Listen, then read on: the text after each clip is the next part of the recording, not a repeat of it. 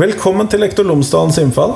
Mitt navn er Kristian Lomsdalen. Det er tirsdag, og det er på tide med nytt intervju i podkastserien min her. Denne ukens intervju er med Kjell Ove Hauge, som er rektor på Kuben videregående skole.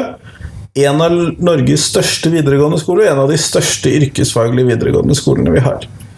Han er en tydelig stemme for yrkesfagene, og driver bl.a. Yrkesfagene, som er en Facebook-side på eh, Vel, på Facebook naturlig nok. Eh, han er også en tydelig forkjemper for elevenes rettigheter, og en, eh, en av de få rektorene som jeg jevnlig ser på Twitter. Ok, Det er en del andre rektorer òg, men han er en av de som jeg ser oftest. Så nå gleder jeg meg i hvert fall til å presentere deg for dette intervjuet. Vær så god.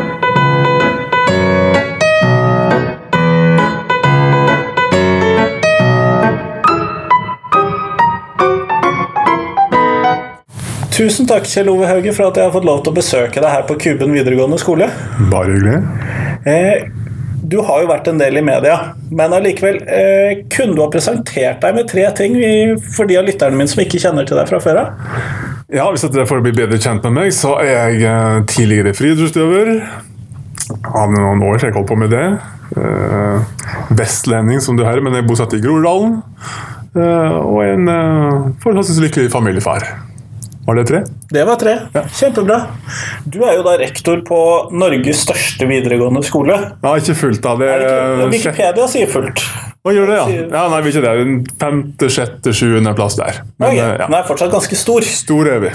1500-ish elever, eller noe sånt? 1700-ish akkurat nå. 1700 faktisk. Ja. Ok, Denne Wikipedia-siden må oppdateres. Den må da. Eh, men det er mange elever. Ja. Og de er spredd utover på veldig mange forskjellige faglinjer. Det er de på, og på tre bygg i tillegg. Ja. Så det er ganske mye å administrere. Ja, det er stort her, det er, men veldig gøy. Masse flinke folk, og da er det moro. Eh, dette er jo primært sett kanskje vil jeg vel si, er det vel en eh, yrkesfaglig videregående skole? Ja, det er lett å tenke, for det er Kuben yrkesarena vi ligger under. Men vi er vel eh, ca. 60-40 studiesplass altså 40 studieforberedende. Ja, nettopp. Ja. Mm. Eh, men dere har også en ganske godt utvalg av disse yrkesfaglige linjene. Ja. Hvordan er det å være lærer på, eller rektor for en skole som er så stor, og med så stor variasjon i hva man driver med? Ja, det, for det er jo fantastisk spennende. Eh, det som jeg eh, tok tak i da jeg begynte Jeg begynte jo på Kuben i 2013 som ny rektor, aldri vært rektor før.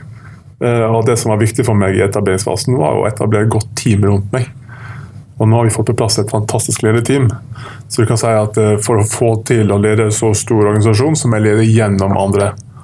Og da må jeg um, ja, Du har vel ikke kanskje tid til å gå til rundt i hver enkelt elev? Ikke, ikke alltid. Og Da må jeg ha kompetanse som utfyller min kompetanse ute på avdelingene. Så jeg er avhengig av å ha fagkompetansen, folk som er kompetente og som kjenner fagfeltet. Ikke bare meg. Jeg har jo ikke yrkesfagsbakgrunn i den forstand sjøl. Så um, det har vært viktig for meg, og, det har jeg fått på plass. Og det er det som gjør at dette her er verdens beste jobb. Det skjønner jeg da. Eh, jeg mener jo det skole er jo verdens beste jobb, så ja. Eh, jeg følger deg på Twitter, og du har vært relativt vokal for yrkesfagenes status og sånn mm. i skolen. Hvordan tenker du at ståa er sånn som den er i dag? Ja, nå har vi hatt eh, fantastisk framgang i år. Um, Grunnen til at jeg er sånn pro yrkesfag, er jo kanskje mest for at vi er i Oslo. I Oslo så har vi hatt problemer med å få nok uh, tiendeklassinger eller ungdommer til å velge yrkesfag som sitt, eh, sin yrkesfag. Vi, på, uh, vi har vært på sånn 22-23% de siste åra, og i år er vi på 25 Det er vi veldig glad for. Så vi har tatt et lite løft opp. Og Da er det viktig for oss at det ikke blir et blaff, men det begynner å være vedvarende. Kuben yrkesarena er en stor, markant aktør i Oslo, og vi ønsker å fortsette å være det, men vi klarer ikke den kampen alene. Så vi er avhengig av bransjen og bedriftene, og vi er avhengig av politikerne. Og så virker det som at at det har fungert, at alle vi nå har slått oss sammen og prater på samme måten. og Jeg bruker Twitter bevisst, og så har jeg en Facebook-side som heter Yrkesfag, som vi administrerer herifra der vi prøver å snakke opp yrkesfag. Og det som jeg fokuserer på der, det er behov og muligheter. For jeg tror ikke vi er flinke nok til å, å fortelle ungdommen om at mulighetene som ligger der ute. Og Det er bransjen veldig flink til. og dere ser I år så er det byggbransjen som har tatt et løft opp. og jeg mener at Byggbransjen har vært best og siste året på å, å, prate opp sin egen bransje og sitt egen mulighet og behov i bransjen. Mm. Ja, eh, og det så vel jeg kanskje også da når jeg gikk på videregående i Oslo selv, fordi det var vel sånn at eh, Ok, hvis du ikke vet hva du skal bli, så ta studiespesialiserende, er jo ofte den linja man får fra skolene. Det bør man vel kanskje endre noe på? Ja, det som har vært en tendens er at Hvis du ikke vet hva du skal bli, så må du ta studiespesialisering, for da står alle muligheter åpne. Det er det alle sier. Men det vi prøver å si, er at alle muligheter står like åpne for dem som har et fagbrev. Det er ingen dører som blir stengt med et fagbrev i lomma. Eh, og Det er viktig å kommunisere ut. Og I Norge nå som helst så har du jo krav på å få ta påbygg. Har du et fagbrev, så er du kvalifisert automatisk på å få ta eh, påbygning. Eh, og det er smart å ta òg, for da får du et veslepåbygningsfag i forhold til det store. Så da er gjennomføringsgraden er så mye større blant elever som tar påbygg etter et fagbrev, som de som går rett inn og tar det og hopper over fagbrevet. Så vi anbefaler så mange som mulig til å fullføre utdanninga med fagbrev komme seg ut der. Og det fagbrevet som sagt aldri en hemsko i karrieren. Det vil være veldig positivt for deg uansett. Og så snakker vi en del om eh, livslønn. ja. Og sammenligne en yrkesfagspor med et akademisk spor. Der du begynner å tjene penger tidlig allerede som lærling. Slipper unna studielån, og så begynner å sammenligne med en andre som støvler på beina for å få en mastergrad så har du fort en halv million i studielån som skal betales tilbake i det dobbelte. Pluss manglende lønn i den perioden. Nettopp. Mens han hadde tjent penger, ingen lån, og kanskje allerede klatra i lønn innen den tid. Det tar mange år å hente inn igjen. Og er du en ordinær akademiker, type lærer, um, helsearbeider, politi, så tror ikke du henter inn igjen fagarbeider noen gang. Eh, fordi at fagarbeideren blir sannsynligvis ikke fagarbeider flatt hele livet. Det blir fort opp at du går opp og blir formann på arbeidsplassen, eller du tar noen karrierevalg som underveis. Så det tror jeg er viktig å få kommunisert ut. I Oslo har vi jo den utfordringen at det ser ut som, eh, på søkertallene iallfall, som at eh, håndverkstalentene er geografisk fordelt. Du ser både skolene ligger på Oslo øst, og søkerne kommer i stor grad fra Oslo øst. Ja, nettopp. Så Oslo vest søker ikke hit? De søker ikke til yrkesfag generelt. Nei. før vi legger til rette for det. Og Det vi ser som fungerer da, det er å snakke opp yrkesfagene, så de får de status i det miljøet de kommer fra. Det er klart at Vi har større grad av akademikere boende på Oslo vest, så det har noe med det å gjøre. for Du følger fort i, i fotsporene til forbildene dine, som fort er foreldre. Og, ja, Foreldrene er jo kanskje litt av problemet i denne statuskampen. Ja, problem eller utfordring, eller kall det hva du vil. Men det vi har funnet ut nå når vi har dobbeltkompetanseløpene som vi har satt i gang, der du kan gå fire år og få både studiespesialisering og fagbrev, der henter vi fra hele Oslo, der henter vi flere fra Oslo vest. De ønsker det, syns vi er en spennende vei å gå. Eh, og innen eh, byggfag så er det da de som ønsker å bli byggingeniører. Så kommer de altså å ha fått med seg fagbrevet. Så NTNU også tilbake i, i, yrket. Med fagbrevet i lomma så vil du være en annen type ingeniør enn den teoretiske ingeniøren. Så Der ser vi, og der treffer vi søkere fra hele Oslo, men ikke minst Oslo vest. Der har vi fått mange søkere fra som kommer fra det jeg begynner. Sånn at det ligger et ganske målrettet arbeid her for å prøve å få opp uh... Ja, for å få med flere som, flere som, mulig, så må vi ha flere valg, flere spor, flere muligheter for elevene. Og så er det utfordringen at det er flere tilbud vi har, det større jungel blir det å orientere seg i for tiendeklassingene. det blir det jo. Så, og det blir vanskelig. og Derfor er det vi i Oslo vi bruker mye tid skolene på å rope høyt om tilbudene våre. Og så kan jeg si ja, det er konkurranse. Ja, det er konkurranse for så vidt om elevene, for det er det er både fritt skolevalg og pengene følger elevene i Oslo. så det er klart det ligger konkurranseaspekt der, Men det viktigste er å få kommunisert ut tilbudet. Her er tilbudmangfold i Oslo-skolen. Og Derfor må vi bruke litt tid på det og rope litt høyt om det. Ja. Det virker jo på meg i hvert fall som om at uh, her på Kuben har dere vært ganske flinke til å rope høyt. Det, det, er den yrkesfaglige skolen som liksom står høyest, i hvert fall i mine tanker når jeg skal liksom gjøre en sånn yrkesfaglig skole i Oslo. Hvor? ja, men Det er jeg glad for å høre, for vi bruker mye energi på det. Uh, og vi, uh, Mitt håp er jo at uh, hvis vi klarer å få prate opp yrkesfagene, så vil det løfte yrkesfag i Oslo, og ikke bare yrkesfagkuben. så Det er jo et viktig mål for oss på kuben at vi skal være flaggskipet, men vi skal være et flaggskip sammen med resten av flåten av yrkesfagskole. Da. Ja. ja. Nei, det er jo viktig. Ja. Men her på kuben så har dere jo da Eh, og igjen, nå henter jeg fra Wikipedia, så nå får du korrigere meg her. eh, så så det ut som det var primært sett de såkalte guttelinjene på yrkesfag som dere hadde her. Ja, vi har både frisørfag, og vi har barne- og ungdomsarbeider og vi har helsefagarbeider, som er de myke fagene. Ja. Også utenom det så har vi litt mer typiske håndverksfag som trekker gutter i større grad. Byggfag, elektrofag, bilfag og IKT-servicefag. Som ja, er litt ofte vanskelig å få tak i jenter. Vi har ganske mange jenter nå på IKT-servicefag. Så bra. Eh, vet du så hvor mange Nei, da måtte jeg ha spurt han avdelingsleder ja. akkurat hvor mange det er. Men der er flere, og knallflinke. Og veldig lett å få læreplass for jentene på IKT-servicefag. Det. De går først. Ja, jeg underviser selv på IKT-servicefag, eh, og jeg har jo bare gutter. Bortsett fra for noen år siden, da hadde jeg tre jenter. Ja, riktig. Og de, de får jobb med en gang. Eh, på um, elektrofag har vi altfor få, og der burde det vært mange mange flere. for det er, av, det er ikke grunn til at det skal være guttefag. Så skjønner vi at det er den røffe miljøet som du ser, kjenner meg igjen på bygg og på bilfag. Der, eh, men vi har faktisk flere jenter på bilfag nå enn vi har på elektrofag her på huset. Så det er jo gøy. Faktisk. Ja. Så gøy. Veldig, veldig gøy. Men eh, når eh, da, disse linjene er så kjønnsdelte som de er, merker, merker du til noe dette man har sagt om de siste årene med guttenes frafall og guttenes tilstand i videregående skole osv.? For det har jo vært oppe ganske mye de siste fire-fem årene.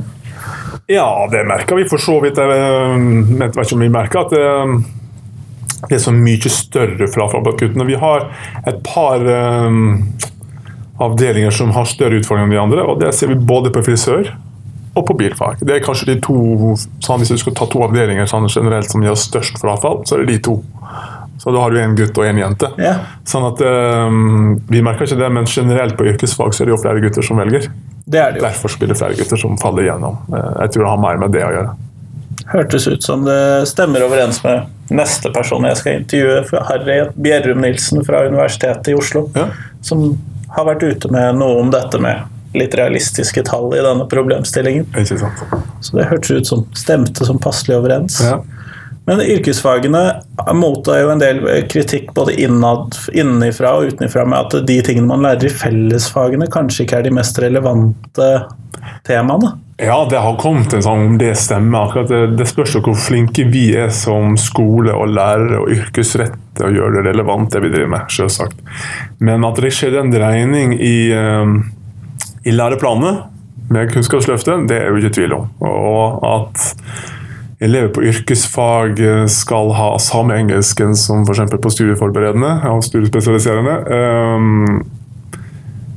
Eh, det setter store krav til lærerne at lærerne prøver å, å bli kjent med avdelingen og interessefeltet til elevene og, og, og yrkesrettet, men så er de ganske styrt av en eh, av læreplanen og Som det har ganske mange temaer som Ja. kanskje ikke er så relevante. Ja, så det er vel fint å få det. Nå kommer det sannsynligvis det da, med de nye justeringene så kommer det sannsynligvis en oppmykning der og en mer tilpasning. Og det har vært bra, tror jeg. for det, det er nok et behov for yrkesretta også læreplanmålene litt mer tydeligere enn det har vært til nå. Hvordan kunne du tenke deg selv at de, disse læreplanene skulle være? Ja, nei, Da måtte du ha vært flinkere og tettere på faget enn hva jeg er. Det, men jeg mener at eh, hvis du klarer å, å tilpasse den enkelte, eller iallfall form, eh, formulere læreplanmålene på samme måte at det gir rom for å tilpasse enda mer inn mot det enkelte programmet, så tror jeg det har vært smart på både ikke bare engelsk, men også innenfor naturfag og matematikk for øvrig, og, og gjerne norsk i tillegg.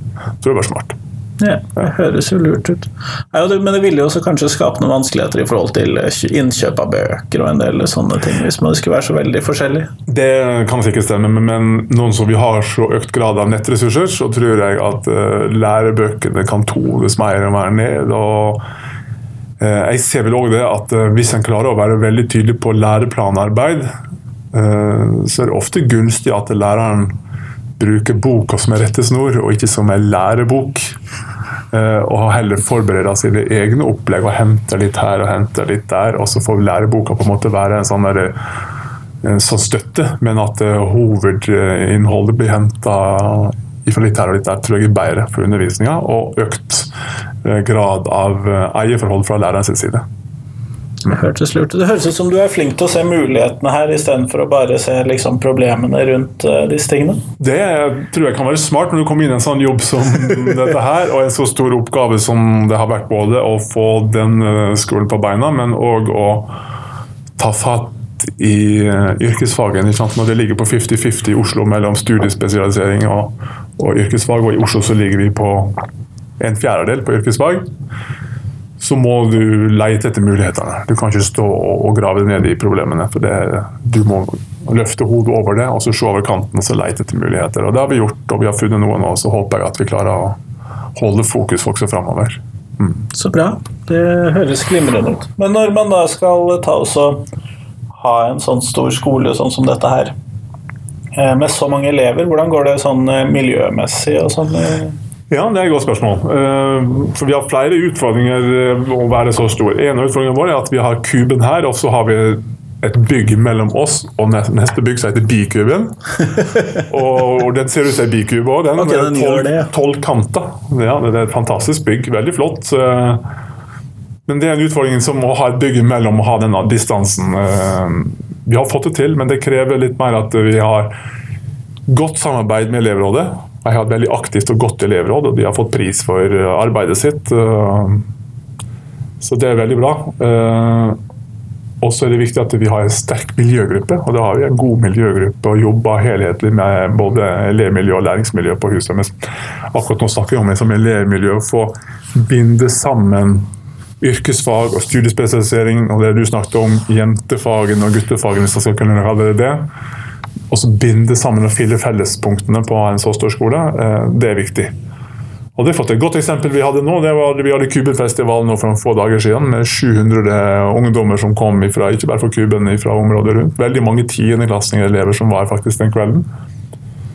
Som eh, bygges rundt et sosialt prosjekt der vi samla inn penger til, eh, til nødhjelp som, som eleven har kommet på sjøl og bestemt retning på. og Vi bare på en måte tilrettelegger og fasiliterer. og så har vi elever som vil så gjerne skape noe, og da må vi slippe det litt til. Og det er jo en sjanse å ta. ikke sant? Ja, ja. I Groruddalen åpne huset på kvelden med masse hiphop-musikk og elevaktiviteter. Og... Men nesten alle som kom her, så ville de være med på det positive. Og så var det noen få som var her, som var her for å se om det var noe spenning og gøy. Men det klarte vi å legge en fin demper på, og så det ble en veldig bra, bra, kveld. og helt supert. Så vi har flotte elever og veldig engasjerte elever som gjør det lettere for oss å skape det gode læringsmiljøet. Og så er vi veldig opptatt av å identifisere elever som føler seg ensomme. På en stor skole så er det lett å være ensom uten å bli lagt merke til, for det er så mange. Det har vi et veldig godt blikk på, og det viser resultatet og tilbakemelding fra elevene òg, at de, vi er gode på å finne deg og og trekke deg inn i et eller annet sosialt fellesskap. Eh, så det har vært viktig for oss. Eh, og så har vi en hel strategi, strategi på å forebygge mobbing, trakassering og den delen av det også. Det er sånn der, eh, syns det er litt problematisk, men det har sikkert med at jeg begynner med en gammel mann. Men det, det er sånn røft språk blant mange av ungdommene. Så det er vanskelig for oss som voksenpersoner å finne ut når er det mobbing og trakassering, og når er det gutteprat eller tøyseprat eller jenteprat mellom innad i en kultur som vi ikke er helt kjent med. En ungdomskultur der du har sånn røff prat. Og Da må vi bli veldig kjent med elevene for å klare å identifisere det. og Der har vi en fantastisk eh, miljøteam på Kuben som eh, er tett på og hjelper oss med å avkode og balansere. Ja, for Man må jo vite hva man skal slå ned på, hva man ikke skal slå Nettopp. ned på osv. Og jeg mener det at vi, det er bedre å slå ned på litt for mye enn litt for lite. i sånne tilfeller. Og så heller minne folk på at uh, sann språkbruk det synes vi setter ikke vi pris på, eller sann oppførsel kan vi godt holde utenfor. Altså lekeslåssing. Det har vært, Vi har noen som syns det er moro med litt sånn røff lekeslåssing, men det har også lett for å eskalere, eskalere eller bli misforstått. Så det prøver vi å, å Kanskje si greit det, å ta utenfor skolen. Ja, det er unødvendig å holde på med filmen. Men de har masse energi, vet du, her uh, ungdommene. det er sånn Fra 16 til 19 så er det jo en energitid. Så vi må gi dem jo utløp for energi også. Men det er veldig spennende. Veldig spennende å jobbe med ungdom. Jeg er jo så glad i ungdom sjøl, så det Har du prøvd å sette opp en sånn løpebane for å Nei, men det kunne vi hatt. Vi har da um, 120 meter her fra dør til dør. Det er ganske her god avstand. I Glassgaten, så vi kunne hatt, uh, kunne hatt en konkurranse her. Mm. Men sånn festival så, så snakker man, er jo en ganske god måte å presentere skolen for til disse stakkars små tiendeklassingene som snart må gjøre et stort valg og sånt. Ja. Vi prøver jo også å være synlige, det er viktig å være synlig. og Vi ligger akkurat oppå kanten mellom Groruddalen og Oslo uh, City, for å si sånn, altså byen. Vi ligger veldig sånn akkurat på kanten her på Økeren. Eh, Det betyr at vi må rope høyt nok til å bli hørt over sentrumsskolene. og Alle som har kjennskap til Oslo, vet at sentrumsskolene trekker søkere. Ja. Eh, Det er lett å komme til, og, og det har vært en trend at sentrumsskolene har vært de mest populære. Og Med de søkertallene som vi hadde i år, så viser det at vi har lykkes godt på det. Både på studiespesialisering, der vi hadde fantastiske søkertall i en tid der det var en liten nedgang på studiespes i Oslo, så holder vi oss flytende. Eh, Så det er veldig bra. Det betyr at elevene våre trives. Det betyr at undervisninga vår er så god at det går et rykte om at vi leverer god undervisning. Eh, Miljøet her er bra, og at vi har et eh, rykte på byen på å være en skole der elevene trives, og der vi mulighetene er til stede hvis du går. Mm. Og det er vel kanskje nettopp noe av de tingene som er viktige for å få til for å få akademikerforeldrene til å slippe barna sine både østover og Ja, jeg Og tror det at eh, kanskje det første de ser etter, det er um, trivsel og trygghet. Jeg tror kanskje to viktige ting ved siden av utdanning og mulige fremtidsmuligheter. Så er det det her med at barnet må være trygt, og barnet må trives i skolehverdagen. Eh, Og det er to viktige ting her hos oss. Trivsel og trygghet. Det legger vi stor vekt på.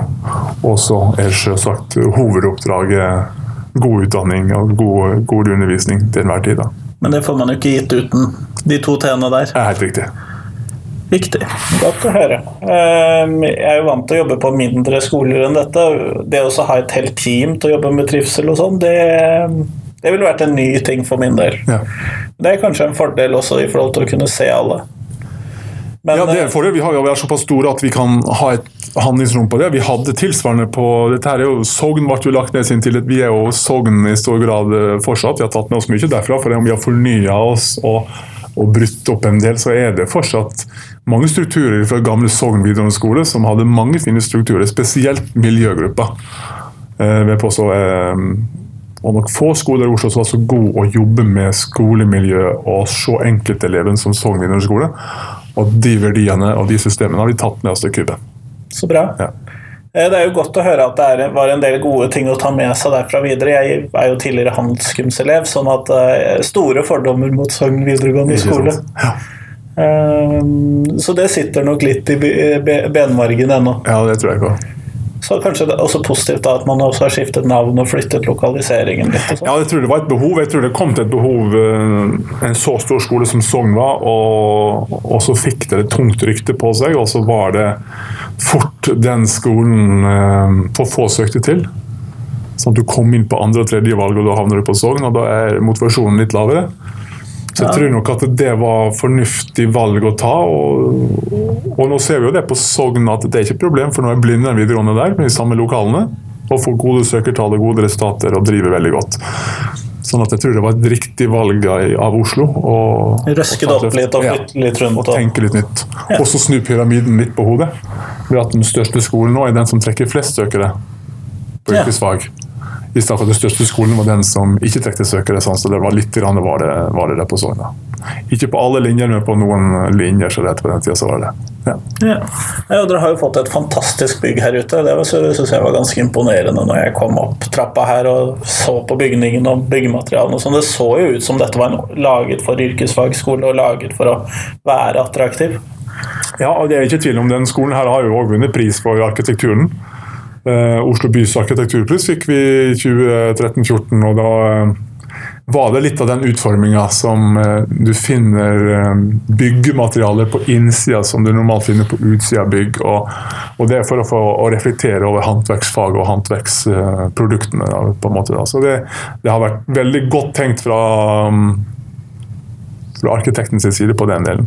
Ja, nå sitter vi, Var det trelasten? Nei, var, var det spikeren? var det? Spikeren heter det her, og så er det Ulven og trelasten tre møterom innover her. ja. Og Det er navn som bydelen har fått lov å gi til møterommene våre. Så de var veldig kreative og fine. Eh, hvis du skulle overført noen av de erfaringene som du sitter med fra å ha denne massive skolen her, eh, og overføre det til andre videregående skoler, hva tenker du at du ville tatt med videre til en annen skole? Ja, det er vanskelig å si hva vi har tatt med. Det er nok mye å lære av det vi driver med. Vi har veldig mye besøk her, så vi får lagt fram eh, måten vi jobber på. Jeg tror kanskje strukturen i arbeidet her, at vi har en helhetlig tanke med det vi driver med. Vi har en veldig tydelig visjon og mål som vi har bygd arbeidet rundt. Um, så det er nok noe av det. Uh, Og så er det også det at Vi har ikke skifta visjon og mål siden skolen begynte, og det har ikke vi tenkt å gjøre heller. Vi skal fortsatt jobbe for at eh, alle som kommer inn her, skal føle seg trygge på, på framtida. Hvilke muligheter ligger der når du er ferdig på kuben? Eh, hvordan ser framtida ut innen det fagfeltet du har valgt? Og du skal føle deg trygg på å ta et steg inn i den verden som, som møter deg etter du er ferdig på kuben. Og Det har vi brukt masse tid på å, å kommunisere gjennom. Så har vi eh, en god del standarder. Vi har noen som vi kaller elevstandarder, som vi bygger på Cuba. Vi bygger det rundt respekt, ansvar og omsorg som er våre verdier. Så bygger elevene sjøl definert hva betyr respekt for kuben, hva betyr ansvar for kuben, hva betyr omsorg for kuben, for å være leder på kuben.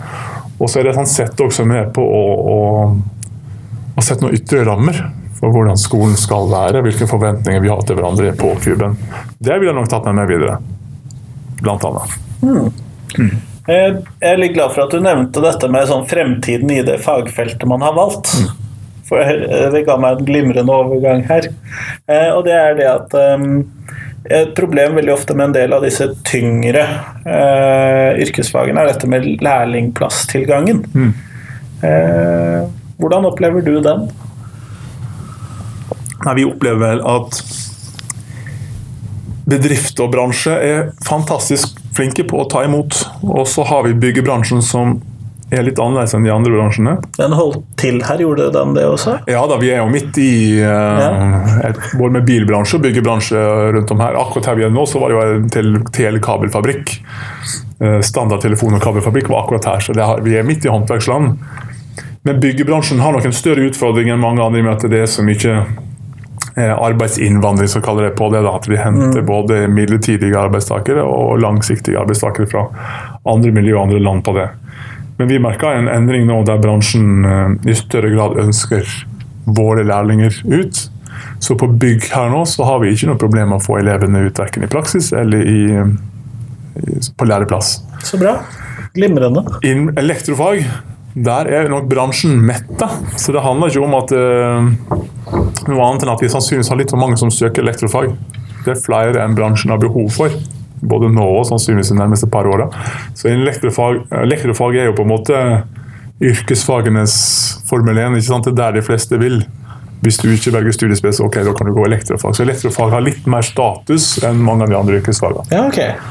Så, og dermed så er det mange som velger den veien. Så i Oslo har vi litt for mange som er flinke elever som har kommet gjennom to år og kanskje tre år på elektrofag som står uten læreplass.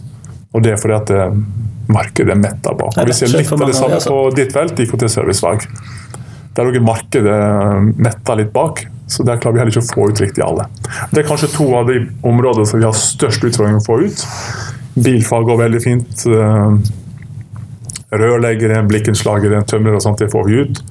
Frisørene får vi ut. Og innen helsefag har vi heller ikke noe problem. Vi har et fantastisk godt samarbeid med, med bransjen i Oslo på innen helsefag. Eh, som er fantastisk flinke, både sykehjemsetaten og sykehjemmene og skolene som tar de ut på barn og ungdom. Så vi har et fantastisk fint nettverk, og der er de flinke å hente ut. Så vi har heller ikke særlig problemer med å få det ut.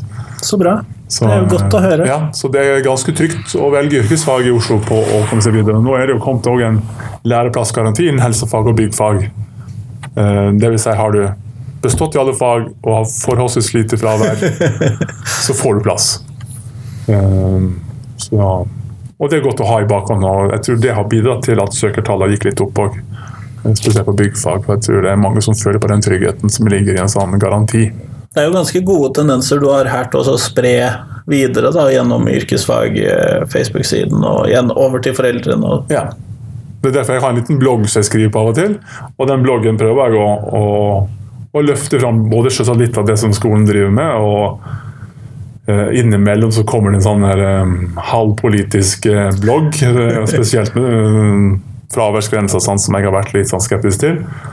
Um, men den bruker jeg på å fortelle om situasjonen for yrkesfagene og situasjonen i Oslo, og ikke minst Kuben sin posisjon i dette. her. da. Så Den siste bloggen handla om søkertallene våre, ja. som var fantastiske. Planen er også å legge bloggen, eh, lenke til bloggen din i shownotesen til ja, episoden. Ja, det er hyggelig. Eh, men nå skal jeg også legge den yrkesfag Facebook-siden, for den visste jeg ikke at det var dere som sto bak. Nei.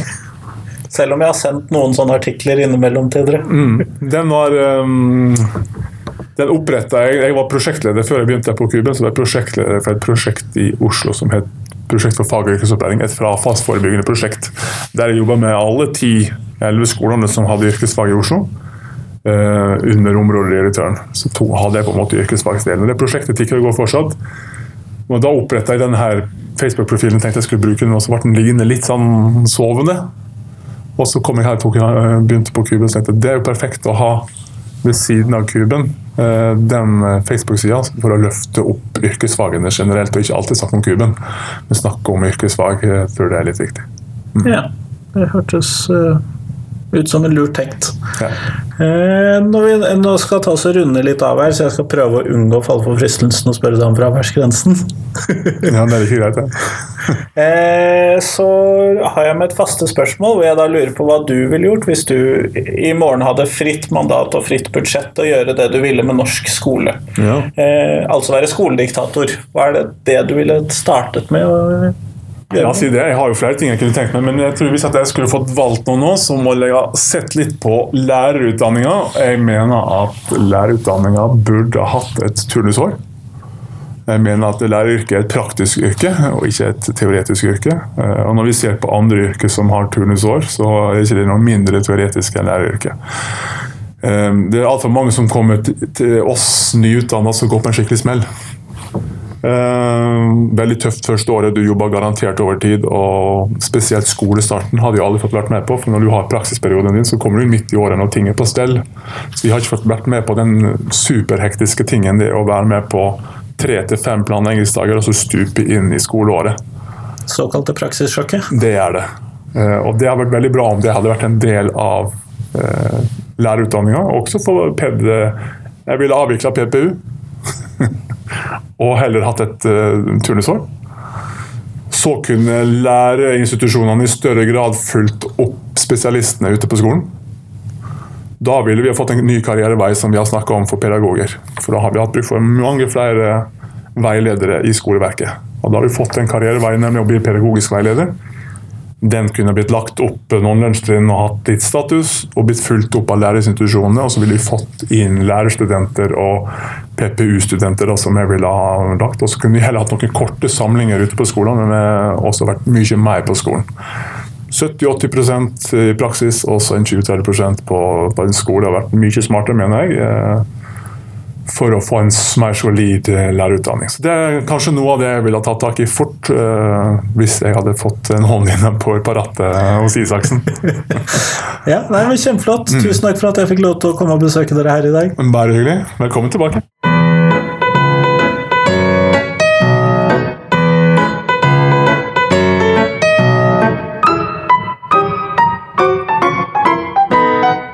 Tusen takk til Kjell Ove Hauge, og tusen takk til deg som hørte på. Nå er det en uke til neste intervju, og neste intervju det er med Harriet Bjerrum Nilsen fra Universitetet i Oslo og Senter for tverrfaglig kjønnsforskning der. Hun meldte seg bl.a. på denne debatten om guttenes situasjon i skolen som eh, Camilla Stoltenberg startet. Så dette var noe av det jeg ønsket å prate med henne om. Ellers er hun en veteran i norsk kjønnsforskning og i skoleforskning basert på kjønn, sånn at dette blir veldig spennende. Dette følger også til dels opp temaet fra denne ukens podkastintervju. Så dette tenker jeg passer veldig bra sammen. At det kommer etter hverandre. Men i hvert fall, fram til neste gang så kan du like podkasten på Facebook, du kan følge den på Soundcloud, du kan gi en stjernemarkering i iTunes, eller du kan dele den med en venn eller bekjent som du tror vil sette pris på en podkast som dette. Jeg blir i hvert fall glad uansett om du deler den videre med noen. Og så kan du komme med tips, da. Tips om hvem jeg skal ta også intervjue. Det blir jeg veldig glad for. I hvert fall, til neste gang, ha en god dag videre.